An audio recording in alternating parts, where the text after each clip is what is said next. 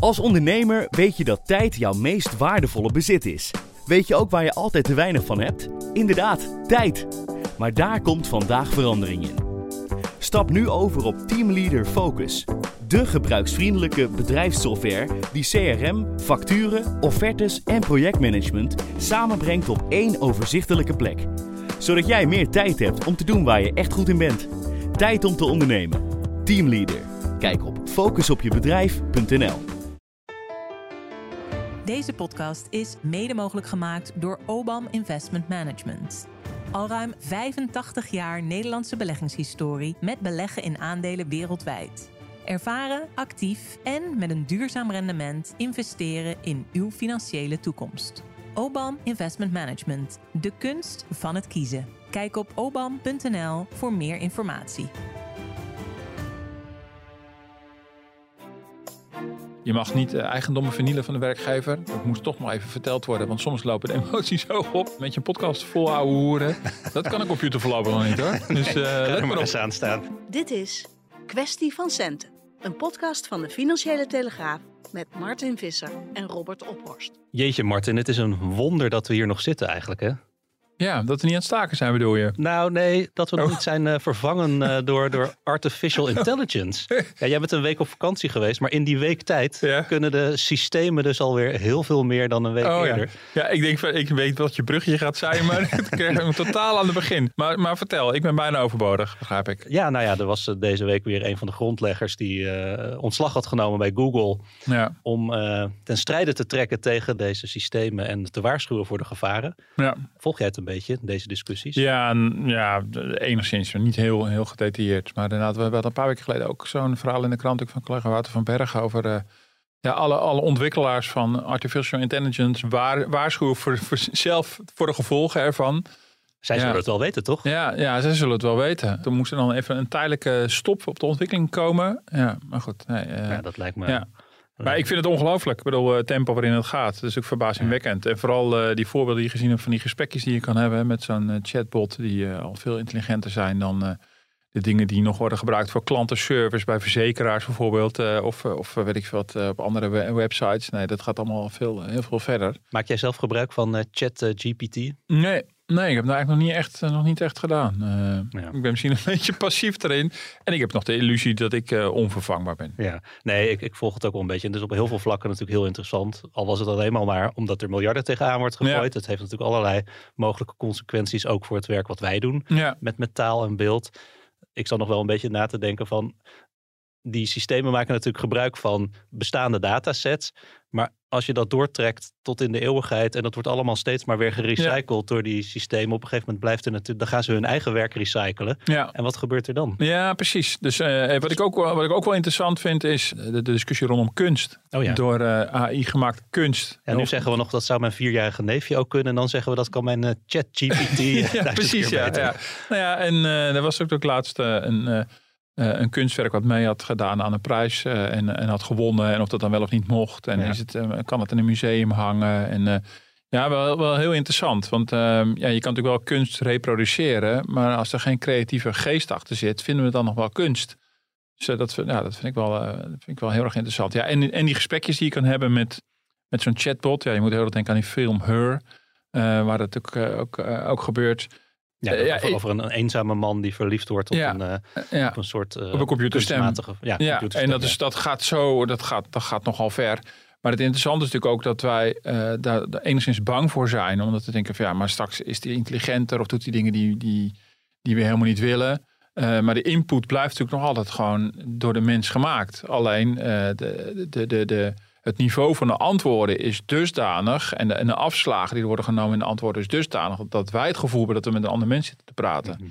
Uh, ja, de vraag is natuurlijk of dat dan op den duur een hogere intelligentie wordt. Of dat überhaupt kan, dat weet ik helemaal niet. Ik bedoel, kan je, kan je iets wat vanuit wenselijke intelligentie is gemaakt, kan het een hogere intelligentie bereiken dan, dan de mens zelf. Dat is wel waar we nu voor ja, wordt gewaarschuwd. Ja, daar wordt voor gewaarschuwd. En ik kan me er eh, eerlijk gezegd niet helemaal bij, iets bij voorstellen. Want intelligentie is meer dan alleen maar data. Bedoel, uh, en dit werkt helemaal op data. Uh, Maar goed, uh, en bij de kunst vind ik het ook interessant. Is het creatief of niet? Maar goed, volgens mij uh, met je podcast vol ouwe hoeren, dat kan een computer voorlopig nog niet hoor. Dus uh, let maar eens aan staan. Nee, nou ja, ik, ik, je maakte het brugje zelf al een beetje. Wij, wij werken gewoon door. Maar dat gebeurt inderdaad niet overal. En daar gaan we deze kwestie van centen over hebben. Het staken. Want er wordt op heel veel plekken gestaakt. Ja. Waarom wordt er gestaakt? hoeveel zin heeft het? En blijft dat ook zo in de, in de, in de nabije toekomst? wordt opvallend veel gestaakt dit jaar. In negen grote sectoren is het werk al eens neergelegd. En dat is uitzonderlijk veel. Albert Heijn uh, didn't want to give us what we want. Uh, they just uh, want to give uh, 6%. And uh, we expect uh, more. Ja, het is elke keer maar afwachten totdat er iets gaat gebeuren. Maar er gebeurt gewoon niks eigenlijk u bereid zijn tot actie? Ja, als het zo moet, waarom niet? De koopkracht willen we graag behouden. We vragen naar ons idee helemaal niet veel. Reiskosten 8 cent, dat is niet van deze tijd. De werkdruk wordt hoger. We hebben heel veel uitloop van personeel. Nou ja, wat eigenlijk die werkdruk alleen maar verhoogt. Ja, acties in het streekvervoer bij gemeentes en in ziekenhuizen. Lege schappen bij Albert Heijn. Een wilde staking bij VDL Netcar. Ja, zelfs bij eh, vakbond eh, FNV uh, werd het werk neergelegd. Dat was een unicum begrijp ik. Uh, Martin, als ik hier op de redactie was begin over het uh, volgens mij uitzonderlijk, dat het uitzonderlijk warm, koud, nat of droog is voor de tijd van het jaar en dat er misschien wel een leuk verhaal in zit, dan heb ik een collega die uh, er meteen wat weerstaartjes bij pakt en die zegt dan onzin, het is volstrekt normaal weer momenteel. Hoe zit dat bij de staking? Want als ik het zo allemaal opnoem en we horen dat fragment achter elkaar, dan klinkt het alsof het een hele hete lente is. Ja. is dat ook zo? Ja, nou, um, ik betwijfel dat eerlijk gezegd een beetje. Zeker ook als je naar de CBS-cijfers kijkt, die gaan natuurlijk vooral. Oh, de, de, de, de recente CBS-cijfers gaan over vorig jaar. Dus hebben de hete lente nog niet, hebben wel de hete herfst. Dat is het probleem van of het, ja. makken van het CBS. Ja. kijkt altijd terug. Ja, die kijkt altijd terug. Uh, dat is ook het goede aan het CBS. Vandaar heb je feiten geen voorspellingen. Dus dat heeft twee kanten. Dus we kijken een beetje terug in, in, in het verleden. Um, eigenlijk roept de FNV al sinds vorig jaar zomer dat er een hete herfst aan gaat komen. En dan een hete winter, een hete voor. Nou goed, gaan zo maar door. En, en wij worden geacht dat allemaal braaf op te schrijven. En van, van meet af aan heb ik daar een beetje mijn twijfels over of dat zo is. En wat nu uit de CBS-cijfers blijkt, is het, is het allebei een beetje waar. A, er wordt inderdaad meer gestaakt. Er zijn talsmatig meer stakingen. Maar er zijn veel minder mensen bij betrokken dan we in het verleden wel hebben gezien. Dus, het is, um, dus je kan het twee manieren duiden. Positieve duiding is de FNV uh, en andere bonden weten heel effectief te staken. Dus met relatief weinig stakingsdagen heel veel te bereiken negatieve is, uh, de, de, negatieve insteek zou kunnen zijn. Dus wel een hoop reuring, maar eigenlijk krijgt, dan krijgt de vakbond niet zoveel mensen op de been. Ja. ja, en ik denk dat dat laatste ook wel, wel waar is. Dat het voor een vakbond heel lastig is in deze tijd met steeds minder vakbondsaanhang. Om ook echt eh, mensen te mobiliseren. En je zou zeggen, nou nu met, met die extreme inflatie en die enorme koopkrachtdaling, heb je natuurlijk heel veel aanleiding om, om mensen op de been te krijgen. En dat gebeurt er gewoon ook wel her en der. Dus er gebeurt niet niks, zo, zo wil ik het ook niet uh, zeggen. Maar het is bepaald niet historisch wat er gebeurt. Bijvoorbeeld in het uh, recente verleden is 2019, en met name door de onderwijsstakingen, een veel heftiger stakingsjaar geweest dan 2022. Uh, eh, dus dus dat, is, dat is wat opvalt uh, uit de cijfers. Ja. Maar het aantal stakingen vorig jaar waren 33 stakingen. En dat is echt wel, echt wel fors. Uh, Maar ga je dat terug afpellen tot hoeveel mensen zijn erbij betrokken? en, en hoeveel werkdagen zijn er dan in totaal gemist? Ja, eh, even voor de, voor de orde van grootte. In 2022 uh, zijn er 39.000 eh, werkdagen verloren gegaan. En uh, in 2019 waren dat er tien keer zoveel, 391.000. Dus het is factor 10 groter was toen de staking in 20, 2019. En dat is wel opvallend. en die onderwijsstakingen kwamen heel erg van onderop. Die kwamen primair, niet in instantie van de vakbonden, maar kwamen echt van de ontevreden onderwijzers. Dus dat is ook een beetje om het een perspectief te plaatsen. Dus het rommelt dus bij heel veel bedrijven en sectoren. Maar het is nou niet zo dat nou heel Nederland plat ligt à la de jaren tachtig. Nee, ja, je zei het net ook al inderdaad. Maar ja, bedrijven zitten te springen om personeel. Dus werknemers hebben wat te kiezen en wat te eisen. En ja. als je aangeeft, tegelijkertijd is de inflatie torenhoog. Uh, de koopkracht staat enorm onder druk. Ja, dat klinkt wel als een perfect storm voor een, uh, voor een gunstig uh, stakingsklimaat. Ja, nee, zeker. En daarom denk ik ook wel dat, dat, dat, dat je dus ziet rommelen bij heel veel organisaties. En ook wel uitzonderlijk, wat natuurlijk deze dagen natuurlijk gebeurt bij de distributiecentra van Albert Heijn, is bijvoorbeeld heel bijzonder. Um, Waarom is dat bijzonder? Uh, nou, omdat de vakbonden hebben wel vaker geconstateerd dat, dat bij zulke soort uh, organisaties het heel lastig is om nog stakingen te organiseren. distributiecentra, en dat gaat ook voor een aantal andere organisaties, hangen aan elkaar van, van flexwerkers. En die zijn heel moeilijk te mobiliseren. Daar is of de organisatiegraad heel laag, of mensen zijn heel onzeker over hun, over hun baan en durven niet te staken. Dus je ziet ook vaak dat het makkelijker lukt bij, bij bedrijven waar er en veel vast personeel is en een hoge mate van vakbondslidmaatschap. Uh, dat werkt heel goed, maar zo'n distributiecentrum is lastig. Waarom niet voor niks dat een aantal jaar geleden grote schoonmaakstaking ook een bijzonder groot succes was. En daar geldt een beetje hetzelfde. Dat zijn mensen met, met relatief laag betaalde banen, uh, en veel, veel baanonzekerheid. Uh, die zullen veel minder snel gaan staken. Die zullen dat veel minder snel durven. die hebben veel minder de positie. Dus in die zin is er echt wel, wel degelijk iets, iets aan de hand. En je ziet ook wel dat de vakbond ook wel iets bereikt. Ehm, al dan niet door die stakingen. Of omdat de werkgevers ook denken, ja, er is schaarste aan personeel, dus ik zal wel moeten betalen. Ja. We hoorden net in dat fragment ook wel wat, eh, wat mensen hun, hun grieven uiten. Wat, wat zijn de redenen voor de stakingen? Gaat het vooral om, die, om een hoger loon en uh, een eventuele inflatiecorrectie? Ja, nou dat, dat is echt wel. Uh, kijk, wij zijn vanuit de journalistiek heel erg snel geneigd om vooral het loon te fixeren, omdat het makkelijk grijpbaar is. Dat kan je uitdrukken in een percentage. En heel vaak is het dan zo dat, uh, dat je vanuit de vakbond hoort, nee, maar het gaat echt om heel andere dingen. En dan komen er meer de softere onderwerpen. Zoals? Ja, de, ja zoals uh, verlofdagen of, of, of, dat soort dingen. Of arbeidsomstandigheden of werkdruk, wat dat heel ongrijpbaar is. Um, uh, vaak denk ik, ja, het zal wel. want dan is het natuurlijk ook, een, is het natuurlijk ook veel, moeilijk, veel moeilijker na te gaan of je je eisen hebt binnengehaald. En ja, en een loonpercentage kan je in ieder geval al kan je nog heel goed van buitenaf eh, afmeten van oké, dit was het, dit was het bot, dit was de eis, toen gingen de staken en zijn ze tot, eh, heeft het wat opgeleverd, ja of nee?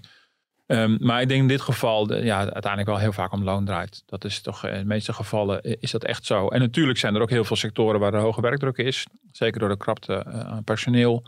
Um, maar ja, de, de, de, de, de hoge energiekosten die, die we sinds vorig jaar allemaal meemaken. De stijging van de, de, de prijzen in supermarkten is voor mensen echt wel reden om, uh, om, uh, ja, om in actie te komen. Ja. Uh, omdat je natuurlijk vorig jaar zag dat de, de, de, lonen maar heel voorzichtig gaan begonnen te stijgen. En dat gaat nu veel en veel harder. en dat zal mede te maken hebben met alle reuring die er is ontstaan. My fellow Canadians, for too long we have been pushed around and ridiculed. Yesterday was supposed to be a day of appreciation and understanding.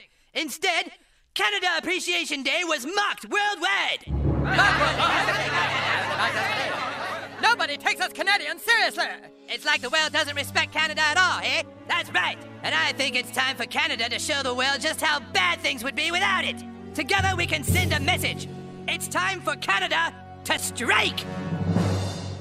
Dit was een fragment uit het uh, onvolprezen South Park, de satirische tekenfilmserie uh, waarin alles en iedereen altijd belachelijk wordt gemaakt. Ja, je doen jou een plezier mee, hè? Zeker, ik, ben wel, ik ben wel een fan, ja. dus ook stakers. Um, nou, ja. Je hoort de emotie al oplopen, hè? Dat hoort er een beetje bij bij stakingen. Zeker, ja. ja. Nou ja, ook bij de FNV dus. Ik zei het in het begin al. We hadden afgelopen week een verhaal op de site en in de krant van collega Connie de Jonge. Die, die was bij, die, bij, die, bij, bij FNV, waar werd actie gevoerd die actievoerders zelf staat er ook wel een beetje mee in hun maag, uh, begreep ik uit het verhaal. Want ze waren nou juist zo druk met uh, stakingen elders. Uh, eentje had net 16 dagen gestaakt bij, met werknemers bij Cargill en bij Tate en Lyle. En toen ging nog even lekker door bij zijn eigen werkgever. Ja, dat zat hem wel dwars, want ik ben eigenlijk nodig elders. Ja. ja. ik heb zelf nog nooit gestaakt. En in hm. mijn naïviteit was mijn eerste gedachte ook een beetje van ja, druk met staken. je slaat een paar keer op wat potten en pannen. Ja. je roept een paar leuzen en daarna ga je naar huis om op de bank te Netflixen. Maar zo werkt het niet, hè? Nee, je moet wel met vlaggen zwaaien en, eh, en, eh, en, en spandoeken ophangen. En, uh, nee, kijk, formeel moet je het ook echt inschrijven. Hè. Dat, is, het is juridisch ook helemaal geregeld hoe je, hoe je kan en mag staken. wat er nu bij VDL gebeurt is een wilde staking. daar geldt het dus niet voor. Goed, maar normaal gesproken is er een hele stappenprocedure van de vakbond die in onderhandeling is met een werkgever over een CAO. Uh, het is ook geregeld in het Europees Sociaal Handvest uh, wanneer je wel niet mag staken. Dat moet ook ten dienste staan van, het collectieve, van de collectieve onderhandeling. Omdat het ook wordt gezien, gewoon uh, juridisch gezien wordt als een legitiem drukmiddel van werknemers om, ja, om hun, hun eisen kracht bij, bij te zetten. Dus daar is het stakingsrecht ook gewoon geregeld. Dus dat is echt een Europese, Europees geregeld. overigens internationaal bij, bij de ILO uh, het, is ook gewoon een, een recht, een, een, soort van mensenrecht zou je het kunnen noemen. Um, en er zijn wel hele duidelijke juridische afspraken over en jurisprudentie over van wanneer je wel en niet mag staken. En het gaat ook altijd gepaard met ultimatums van een vakbond. Uh, er moeten natuurlijk gesprekken zijn geweest. Je begint niet zomaar ineens te staken. Nee. En dan zijn er ook afspraken over wat er dan gebeurt uh, wanneer je wel niet mag staken. Een vakbond zet er ook een, laat het ook een jurist naar kijken. Dus die kijkt, de vakbondsjurist kijkt voortdurend mee.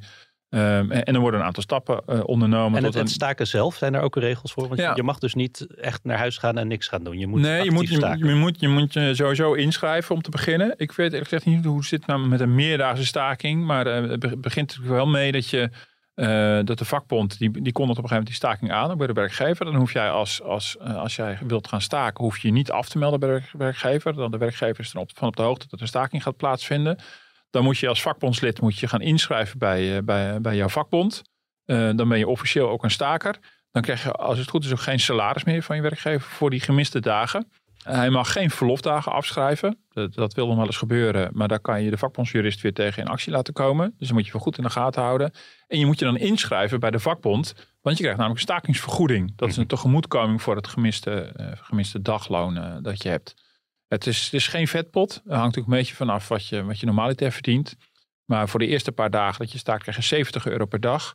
En uh, vanaf zes dagen en meer krijg je, 100, en krijg je 94 oh ja, euro dus per dag. Is ongeacht uh, je, je salaris. Ongeacht je salaris. Dus het is nou, ergens rondom het minimumloon of iets erboven krijg je dan, uh, krijg je dan uitbetaald.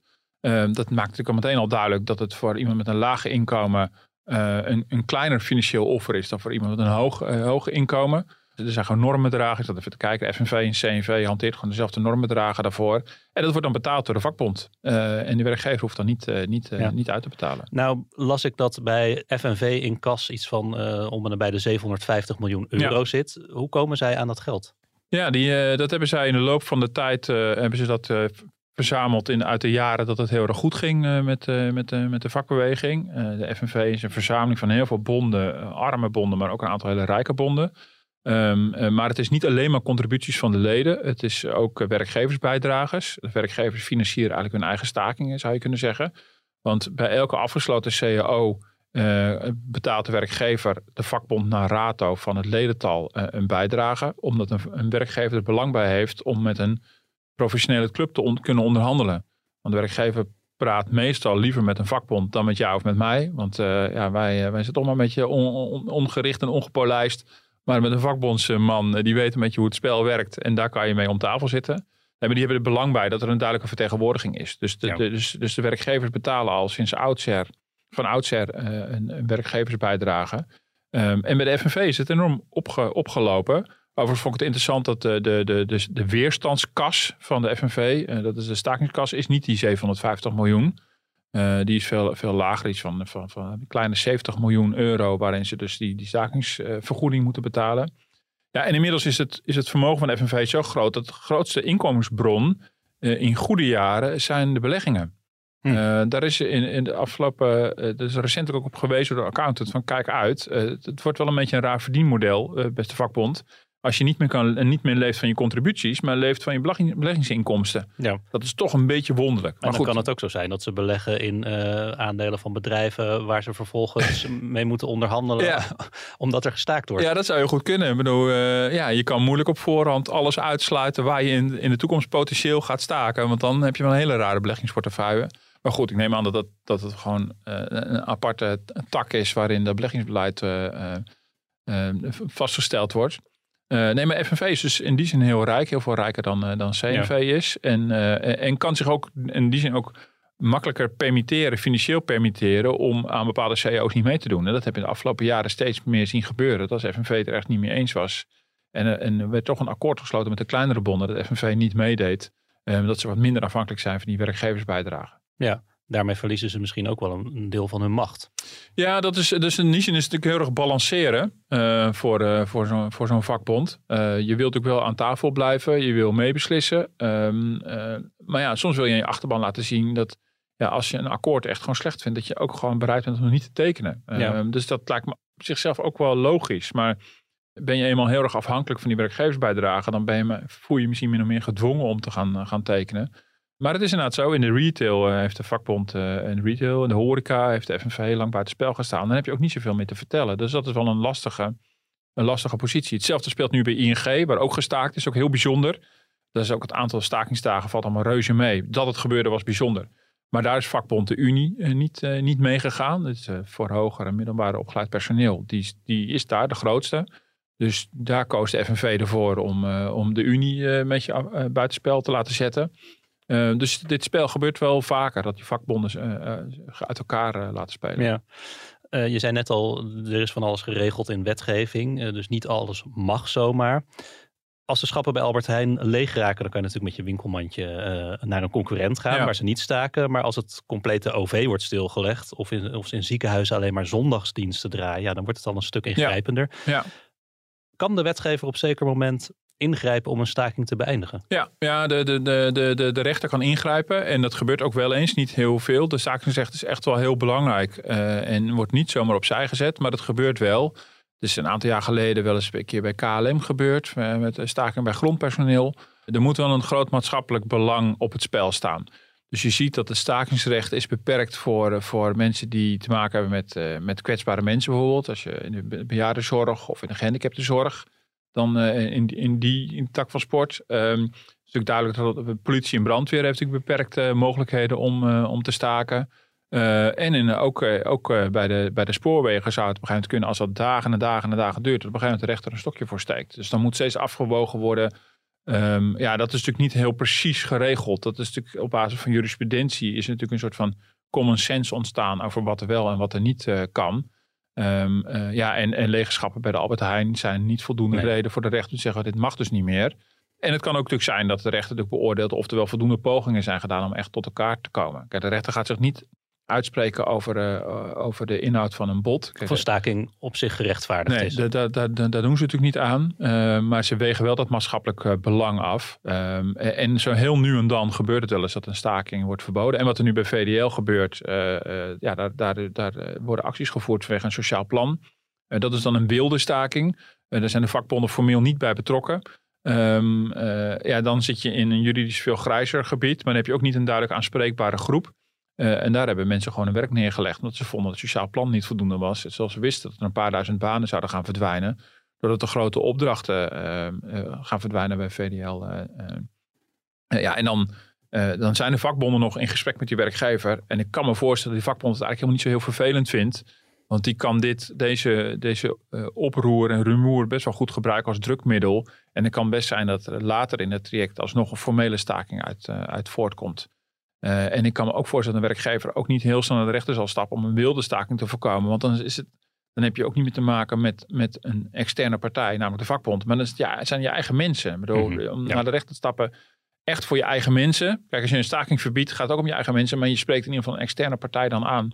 Uh, dus dat is wel een lastig iets, zo'n wilde, zo'n wilde staking. Dat is eigenlijk iets wat je als werkgever natuurlijk het liefst wil voorkomen. Dus ook een werkgever is erbij gebaat dat het allemaal ordelijk gebeurt via een vakbond. En er zijn er ook nog regels trouwens over eh, de mate waarin je als staker uh, de werkwilligen uh, mag dwarsbomen. Die ja, maar het ook, is niet zo dat altijd iedereen meedoet. Nee, niet iedereen doet mee. Dus daar zijn, daar zijn ook wel regels over. Zijn, ik vond het interessant om te lezen op de site van FNV. Zijn allemaal, allemaal regels over wat er wel niet mag. Maar ook een soort richtlijnen. van, nou, je mag niet eigendommen vernielen van de werkgever. Dat moest toch nog even verteld worden. Want soms lopen de emoties hoog op.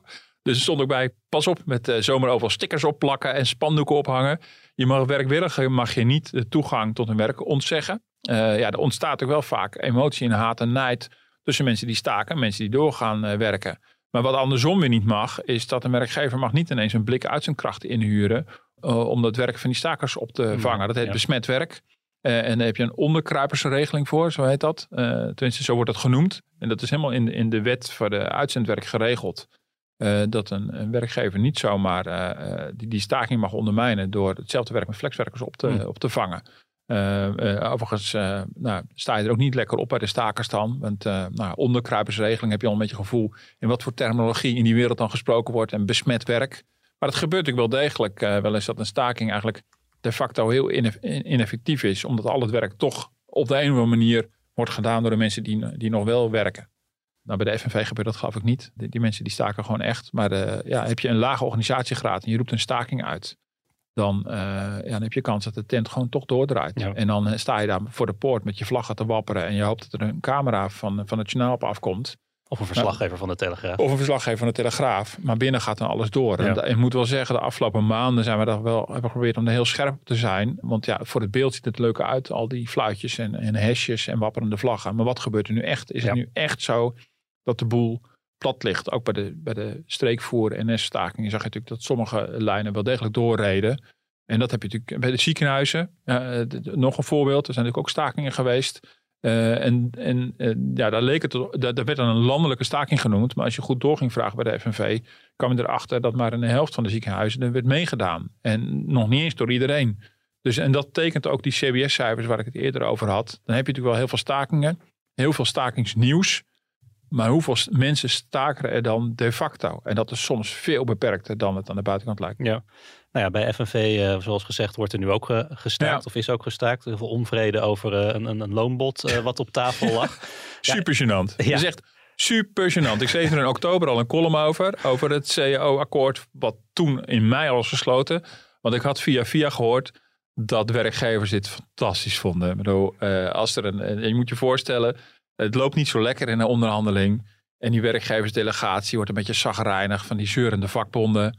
Uh, en dan, uh, dan komt er altijd een moment, zo kreeg ik dat een beetje mee, dat zo uh, iemand uit die werkgeversdelegatie zegt van, hoe zat jullie met je eigen CEO ook alweer? Vorig jaar heeft de FNV een CEO afgesloten van 3 procent. En dat werd in mei werd dat bekend, vorig jaar mei. En toen was de inflatie al richting de 9. Toen eisen ze al een automatische prijscompensatie. Dus de, de lonen mee zouden stijgen met de, met, met de inflatie. Nou, de werkgevers moesten enorm in een vuistje lachen. En die hebben dat altijd achter de hand om op zijn minst een plaagstootje uit te delen. En nu escaleert het helemaal, want ook het nieuwe loonbod van de FNV er zit geen automatische prijscompensatie in, wat ze dus wel overal eisen.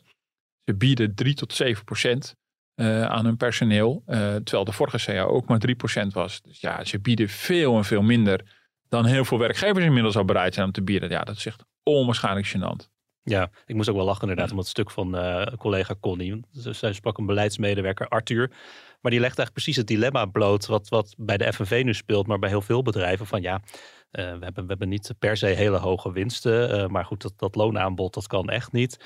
Um, maar dus misschien dus ik snap dat de, koek, de koek niet eindig is. Maar hm. geef de mensen die het minst verdienen dan genoeg om de klap van de inflatie op te vangen, zei hij.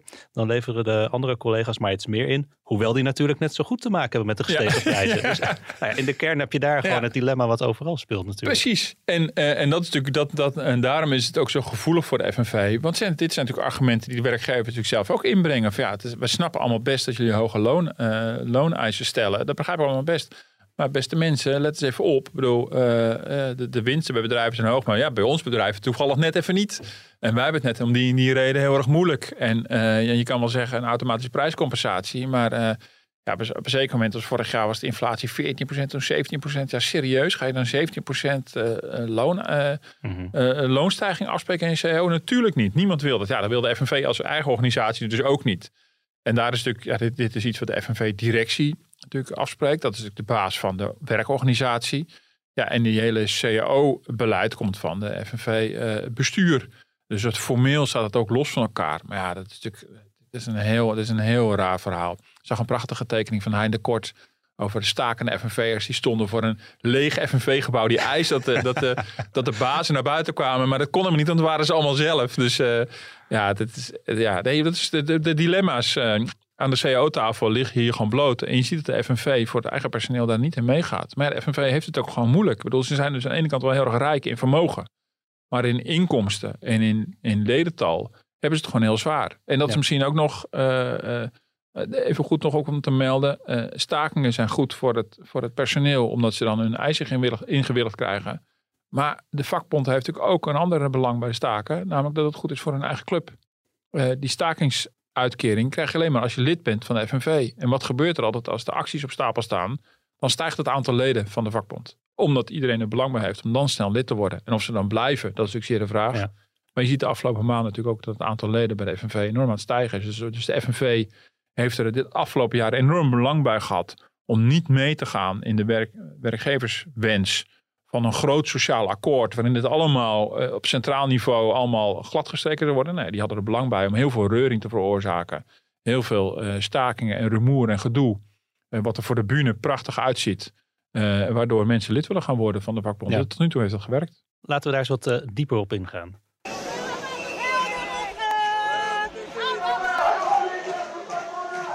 to live uh, another life than just work and die. That's it. It's a human right. We have to have the, the chance to, to enjoy our retirement. It's a true, like, I think it's a human right. And we all have to fight for it because like, the government doesn't understand and it's kind of disconnected to the reality actually. Ja, vergeleken bij uh, Frankrijk... Uh... Uh, daar waar ze het staak ongeveer hebben uitgevonden, ja. uh, gaat het hier uh, nog wel mild aan toe. zeker. Ja, jij volgt de ontwikkelingen bij de vakbonden al jaren op de voet. Uh, je zegt het net al, ze kampen met afnemende ledenaantallen, uh, vergrijzing. 1999 was een topjaar voor de vakbeweging met bijna 2 miljoen vakbondsleden, schreef jij vorig jaar nog in een column. Ja. Maar toen was de teloorgang al ingezet, uh, constateerde jij. Ja. Wat zijn dan precies die problemen van de vakbeweging en hoe groot zijn die? Nou ja, kijk, wat, wat waar de vakbeweging mee kampt is iets waar volgens mij heel veel uh, organisaties mee te maken hebben. De politieke partijen even goed, verenigingen. En dus het is in zijn algemeenheid natuurlijk een, een trend waarbij min, mensen zich minder organiseren. Minder belang bij hebben om, om, om met, met, met, met groepen in, in, in clubs samen te komen. We worden individualistischer. Ja, zeker. Dus, dus dat is iets wat uh, waar de vakbeweging uh, net zo goed last van heeft als, uh, weet ik wat, nou ik zeg, de, de, politiek of kerken. Of, nou, je kan het zo gek niet bedenken. omroepen. dus dat is natuurlijk, de verzuiling is natuurlijk al, al, lang geleden geweest. Dus we hebben minder de neiging om ons aan te sluiten bij een bepaalde belangenorganisatie of een club of een organisatie die ergens voor staat, die vertegenwoordigt waar wij ook dan voor staan. Dus dat is heel algemeen de trend die individualisering heb je op de arbeidsmarkt ook heel sterk. Ik bedoel, het, het, voor, de, door voor heel veel jongere generaties is, is de vakbeweging toch iets van, van vroeger. Waarbij mensen het gevoel hebben, ja, maar ik kom op voor mijn eigen belangen en ik heb die vakbond helemaal niet zo nodig. En ik denk dat ze ook te lang zijn blijven hangen in, in een wat achterhaald beleid. Misschien zelfs wat nu nog wel doen. Dus ook het tij niet hebben weten te keren. Ja, die achteruitgang die gaat al heel erg lang. Vak, de vakbonden zeggen wel heel vaak, ja, maar wij wij hebben veel meer leden dan alle politieke partijen bij elkaar. Um, wat op zichzelf ook waar is. Dus heel vaak zoeken ze allerlei argumenten om het ook een beetje te nuanceren. Maar goed, bij de politiek speelt natuurlijk wel een rol dat ja, de, de, de, de, de, politici verkiezen we nog wel als Nederlanders met elkaar. Terwijl de vakbonden, ja, die. Bedoel, de, de, de, overeenkomst is dat politieke partijen en vakbonden die representeren natuurlijk uh, hun achterban. Uh, en de politiek die sluit een regeerakkoord, die gaat de regering vormen uh, namens eh, de achterban en de vakbonden die vertegenwoordigen aan de CAO-tafel uh, alle werknemers. En naarmate de representativiteit afneemt, kun je natuurlijk afvragen hoe legitiem is het nog dat zo'n vakbond namens niet wie eigenlijk zijn CAO afsluit. En dan wordt vaak die parallel met de politiek getrokken van ja, maar wij hebben veel meer leden dan die politieke partijen. Behalve dan dat de politiek natuurlijk elke vier jaar in landelijke verkiezingen steeds weer een mandaat ophaalt. En dat is iets wat een vakbond natuurlijk niet doet. In ieder geval tot nu toe niet doet. Dat zouden ze natuurlijk wel kunnen gaan doen. Maar wat de vakbond natuurlijk steeds doet, is op basis van de ledentallen uh, aan de CEO-tafel gaan zitten en dan uh, afspraken maken. En de CEO die bindend zijn voor alle mensen uh, in dat bedrijf, in die sector, ook degene die geen lid zijn van de vakbond. En dat kan je een free rider noemen, iemand die mee profiteert van het werk van een vakbond. Maar je kan ook denken van ja, die vakbond bemoeit zich met dingen waar die helemaal niet over gaat. Ook dat is wettelijk geregeld in de, in de, in de wet op de CEO. Dat de vakbond, ja, die mag daar gewoon aan tafel zitten en afspraken maken, ook voor niet-leden. En die zitten daar maar gewoon aan vast. Uh, en dat begint steeds meer te, te, schuren. En niet voor niks dat de werkgevers dus blijven betalen aan die vakbonden. Omdat ze er belang bij hebben een stabiele partij tegenover zich te hebben. Ja. Maar ja, je, je merkt ook aan de werkgeverszijde steeds vaker de vraag. Maar ja, namens wie zitten die mhm. mensen daar helemaal? Dus wordt er ook wel eens afgetast naar nieuwe modellen. Waarbij je niet meer het baseert op vakbondslidmaatschap. Maar bijvoorbeeld enquêtes in een bedrijf. Dat je gewoon iedereen uitvraagt. Wat zou jij willen dat we af gaan spreken in een nieuwe CEO? Maar dat ligt heel gevoelig. Want dat is ook dat is toch wel een beetje zagen aan de stoelpoten van de vakbeweging. Want dan heb je helemaal geen reden meer om lid te worden. Uh, zien staken, doet staken, zei eh, CNV-voorzitter Piet Fortuyn uh, eerder ook vol vertrouwen in de Telegraaf. Nou, jij zei net, nu er weer wat vaker stakingen zijn, zien ze dat toch terug in een groeiend aantal ja. ledenaantal. Maar dat is geen duurzaam model, denk jij? Nou, ik, ik denk dat het is, ik denk wel dat het heel goed is hoor. Um, ik heb persoonlijk helemaal niks met staken. Ik kan me niet voorstellen dat ik ooit ga staken. Ik heb het nog nooit gedaan. Maar ik vind het wel een belangrijk recht. En zeker als je uh, als je in een positie bent en je werkt dat je anders niet gehoord zou kunnen worden. Dus ik denk dat het, dat het heel goed is dat de vakbond in bepaalde sectoren voor bepaalde werknemers gewoon opkomt en dit middel gewoon inzet. Dus het is gewoon heel legitiem en ik heel. En, en nou, dat kunnen ze uit strategische overweging doen om te laten zien, we, zijn, we, doen er nog toe. Maar ik denk dat het ook sowieso gewoon goed is voor werknemers. Ik denk dat het heel goed is dat er vakbonden zijn en dat, uh, dat, uh, dat er mensen bij aangesloten zijn die anders geen stem zouden hebben. Dus ik ben heel erg pro-vakbond. Ik ben niet voor niks al, eh, zolang als ik werk, lid van die vakbond en ook gebleven. Terwijl ik het gevoel heb dat ik het nou eigenlijk helemaal niet meer nodig heb. trouw vakbondslid, wat van zichzelf zegt, ik, ik zal nooit gaan staken. Nee, nee, ik, nee ik kan me daar niks meer voorstellen. Nee, ik heb daar helemaal niks mee. Maar ik kan me ook voorstellen dat er heel veel omstandigheden zijn of bedrijven of nou, zo'n distributiecentrum als je het gevoel hebt dat jij werk doet wat heel makkelijk, eh, waarbij je heel makkelijk ingewisseld wordt voor een andere werknemer, dan wel een uitzendkracht, dan wel iemand uit, uit Polen of uh, uh, dan heb je gewoon soms hele botte middelen nodig om, om toch je stemmen te laten horen. En dat kan op een collectieve manier via een actie. Dus ik denk dat het heel goed is dat dit gebeurt. Uh, en dat zal volgens mij ook blijken, en da, da, da, daar zie je de FNV helemaal op, op, op afkoersen, dat dat vakbondslidmaatschap steeds meer voor een bepaalde categorie werknemers is. Voor de mensen die een, een, zwakkere positie hebben of een lager inkomen of, of minder gehoord zullen worden of misschien minder in staat zullen zijn om, uh, om hun stem te laten horen bij een werkgever. Omdat er misschien ook wel een hele grote sociale afstand is tussen die werkgever en, en het personeel op de vloer. Uh, die ook een vakbondsman nodig heeft die, die het spel kent, die de regels kent, die de uh, juridische regels kent. En je ziet natuurlijk al in de uitkomsten van heel veel CO's. Heel veel CO-afspraken zijn extreem nivellerend. Daar gaan werkgevers ook allemaal in mee. Um, dat FNV ook steeds meer kiest om voor een hardcore achterban te gaan. Dat is toch de wat lager opgeleide, uh, in ieder geval lager betaalde mensen. Ja, die krijgen er dan verhoudingsgewijs veel meer bij. Ja, maar dat gaat tegelijkertijd wel weer wringen. Want die CAO-afspraken gelden ook voor die middelbaar opgeleide en hoger opgeleide mensen. Uh, ja. dus, en die krijgen er veel minder bij. Ja. Dus terwijl voor de ondercategorie dan de inflatiecorrectie uh, wordt bedongen. De bovencategorie heeft natuurlijk ook te maken met die inflatie. Nou, dat noemde je al. Dat was ook het dilemma van de FNV zelf. En die, die krijgen daar niet, uh, dat speelt bij de ING met name. Uh, die krijgen maar een paar procent. Dus die, die, lopen heel erg achter in de koopkracht. Ja. Dus dat gaat op een gegeven moment wel wringen. Want die CO spreek je namelijk af voor iedereen. En als de vakbond er toen in mate opkomt voor een specifieke categorie kun je dan nog wel een CA afspreken mm -hmm. voor iedereen. Ja, ik ben zelf uh, geen lid meer, um, maar ik, ik, heb zelf ook een beetje, het, bij mij is het ook een beetje een imago-probleem, dat ik soms het idee heb dat zij bepaalde... Oh, niet, niet jouw imago? Dat nee, je nee, denkt van, van ik durf... Voor mij... Oh ja, oké. Okay. Uh, niet dat je niet op de redactie durft te komen van, nee. hallo, ik ben lid. Nee, nee, nee dat, okay. ik heb ook soms het idee dat zij bepaalde arbeidsmarkthervormingen tegenhouden, ja. waar ik juist wel brood in zie. Ja. Um, Nee, dat klopt. Dat vond ik ook, vind ik ook dilemma. Ik ben lid van de NVJ. Dat is maar één journalistenvakbond. Maar die is aangesloten bij de FNV. Bedoel, uh, en daar zit precies bij mij het pijnpunt. Bedoel, ja, dat is ook wel uh, goed om te realiseren. Bijvoorbeeld, dat is dan bij ons zo, de journalistenvakbond. Maar als je bij de politie werkt, heb je de politiebond. En die ja. is ook weer aangesloten bij FNV. Ja, dus dan kan je, bij de politiebond heb je nog keuze. Kan je ook andere, uh, andere bonden kiezen. Bij de journalist heb je gewoon nul keus. En ook bij de NVJ wringt het af en toe. Want uh, de NVJ is, uh, de journalistenvakbond, is toch wat vooruitstrevender dan de FNV in totaliteit. Maar inderdaad, je, bent, je, je voelt je eventueel verbonden met uh, de vakbond die jouw beroepsgroep vertegenwoordigt. Ja, dan ben je ook ineens lid van een grote club die, weet ik veel wat, iets van het klimaat vindt. Iets van discriminatie vindt. iets van de, de topinkomens. die gaat zitten bedisselen tijdens kabinetsformaties. in, in de share van alles nog wat uitspookt. Ja, daar betaal je allemaal aan mee. Ja, daar kan ook wel voor. Ja, ik voel me er soms ook een beetje ongemakkelijk bij. Ik bedoel, het verzet tegen het pensioenakkoord, wat er lange tijd was. En ook de, de, de, de moeite die er vanuit de FNV het was. Uiteindelijk zijn ze ingestemd, de FNV. Uh, rondom pensioenakkoord. Ja, dat waren, niet altijd mijn problemen met het pensioenakkoord. Maar ja, er werd wel mede namens mij gesproken. Ja, ja dat moet je dan een beetje voor lief nemen. Ja. Jij schreef eerder, uh, de bond is niet zichtbaar en herkenbaar op de werkvloer. Daar ligt de kerntaak. Ja. Leg dat eens uit. Wat kunnen ze beter doen? Ja, nou ja, ik denk dat dat nu wel uh, in die zin met die staking natuurlijk wel echt al iets beter is. Dat is wel een manier om zichtbaar te zijn. Maar wat, wat, heel, wat, wat je zag uit, uit verschillende onderzoeken en enquêtes...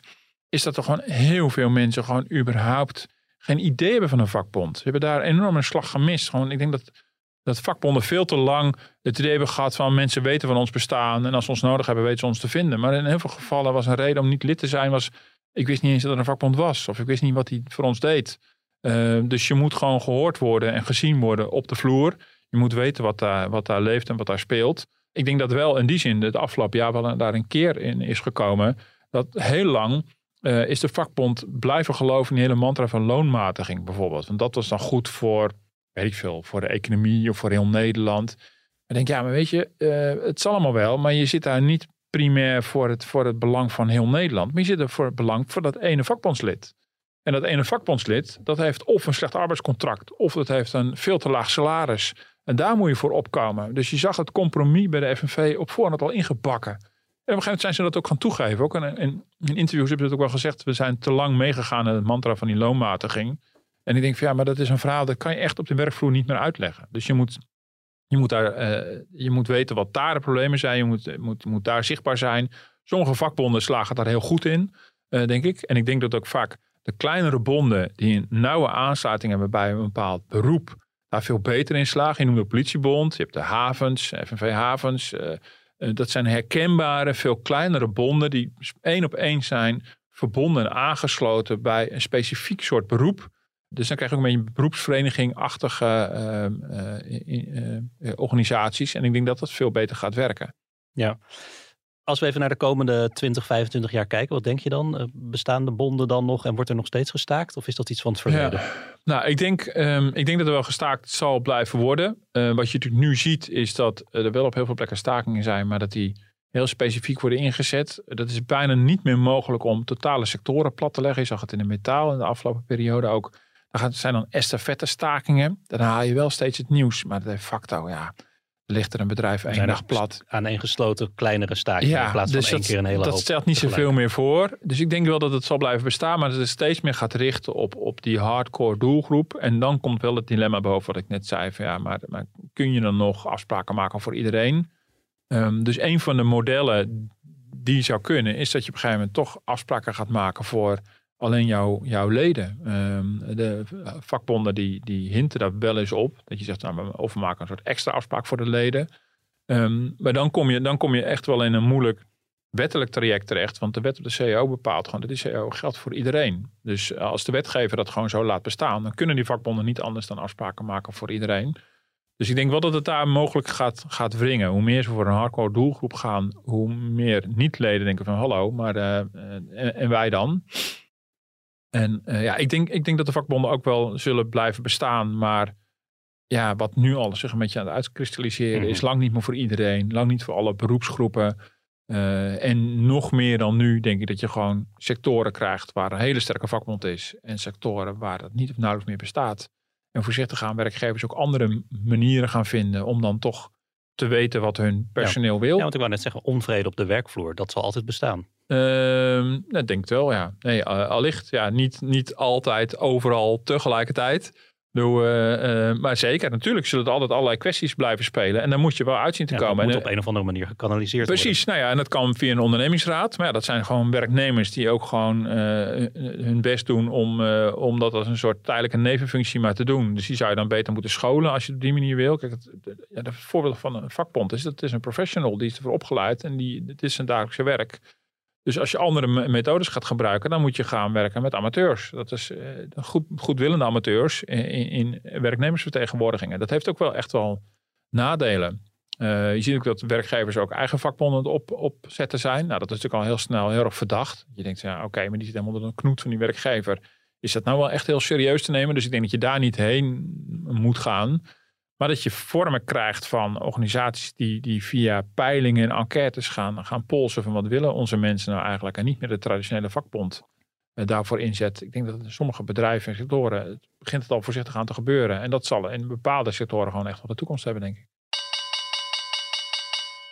Ja, er is hier weer tot slot uh, de rondvraag ja, bij, mij, uh, bij ons thuis de afgelopen acht maanden draaiden de nachten vooral om uh, wakker schrikken van de babyfoon, oh, ja. de babykamer, oppakken, troosten, zingen, voeden, heen en weer wiegen. Maar nu, uh, en ik moet zeggen, het verbaast me trouwens hoeveel je nog aan kan met weinig slaap. Ja, dat is ongelooflijk hè? het scheelt dat ik geen zware machines hoef te bedienen of boven een operatietafel sta zes uur lang. Maar Nee, maar nu eindelijk uh, kan, uh, kan ons zoontje zich een beetje zelf in slaap uh, krijgen. Dus er breekt een hele nieuwe periode voor ons aan. Het, het leven lacht ons oh, weer ja. toe. En nu komt de tweede eraan. Nee hoor, nee. nee. nee. ik dacht, ik hou het gewoon even positief. Nee, net, net, mijn vriendin kon er net, voordat ik hierheen kwam, niet over uit. Hij viel binnen één minuut in slaap. Ja, ja. het ochtendslaapje. Ja, geweldig hè. Ja, en op een gegeven moment ben je dat ook weer vergeten, deze fase. Hoe, hoe heftig het allemaal was. Ja, ja lachen ja. Nee, ik, uh, ik wilde nog delen dat ik een, uh, over kinderen gesproken dat ik een prachtige tv-serie uh, op NPO aan het kijken ben, dag en nacht. Voor is het best wel populair. Dus, het gaat over een afdeling verloskunde. het is een scenario geschreven door Kim Verkoten, die ook de hoofdrol speelt. Het is echt fantastisch. Woensdagavond tv. Ik kijk een beetje vooruit op NPO. En dat brengt me ook weer een beetje terug naar nou, naar die, baby, naar die babytijd. Je, je bent dus zo iemand die nog extra betaalt voor de publieke omroep via uh, NPO Plus. Ja, zeker. Zeker. Ja, NPO Plus. Is zeer aan te raden. Een prachtige documentaires op, heel veel series. En uh, ja, ik hoef er bij jou niet meer aan te komen. Maar uh, ik hoor het alweer. Ja, ik kijk liever naar Videoland. Maar dat kan ook. Maar nee, het is, een het is een hele mooie serie. Waarbij de, de, de afdeling verloskunde van een ziekenhuis. Daar, daar draait het allemaal om. En het, ja, ik, ik, Kim van Koot, de scenario schrijvers. Fantastisch. Die geweldige dialoog. Ik zit ook gewoon ook naar te kijken, bedoel, gewoon om te genieten van een mooie serie. Wat gaat over geluk en verdriet. En, en, en nou, alle emoties komen in, in, in die 40 minuten voorbij. Maar ik vind het ook zo vaardig gemaakt en geschreven. En ik, zit daar heel erg van te genieten. Dat je gewoon binnen één scène van, echt van een lach naar een traan gaat. Klinkt verschrikkelijk cliché. Maar ze doet het heel... Ze heeft het heel verduveld slim gedaan. Ik zeg ook naar kijken hoe doe je dat? Hoe kan je zo snel switchen van emotie? Even heel zwaar maken. Met best wel nou, mooie, mooie indringende scènes van ouders die daar komen, die verloskamer weten dat hun kindje al uh, niet meer leeft. Dus die, die, moet, die vrouw moet bevallen van een, van een dood kindje, wat heel heftig en aangrijpend is. En in diezelfde uh, aflevering zitten ook weer hele lichte scènes. En ja, het is prachtig gedaan. Het is, uh, Nee, alle emoties van het leven komen daar, uh, komen daar voorbij. Maar ik weet niet of jij er al aan toe bent. Nou ja, in deze fase, nu ik weer helemaal het leven met toelachten. Dag en nacht heet het. en, um, nou, vooral ja. de nachten zijn dus uh, rustig ja, nu. Ja. Dus en je kan, het, je kan het dus bingen, maar dan moet je inderdaad wel even NPO okay. Plus lid worden. Mooi, mooie kijktip, dankjewel. En sowieso dank uh, Martin en tot de volgende. Ja, tot de volgende keer.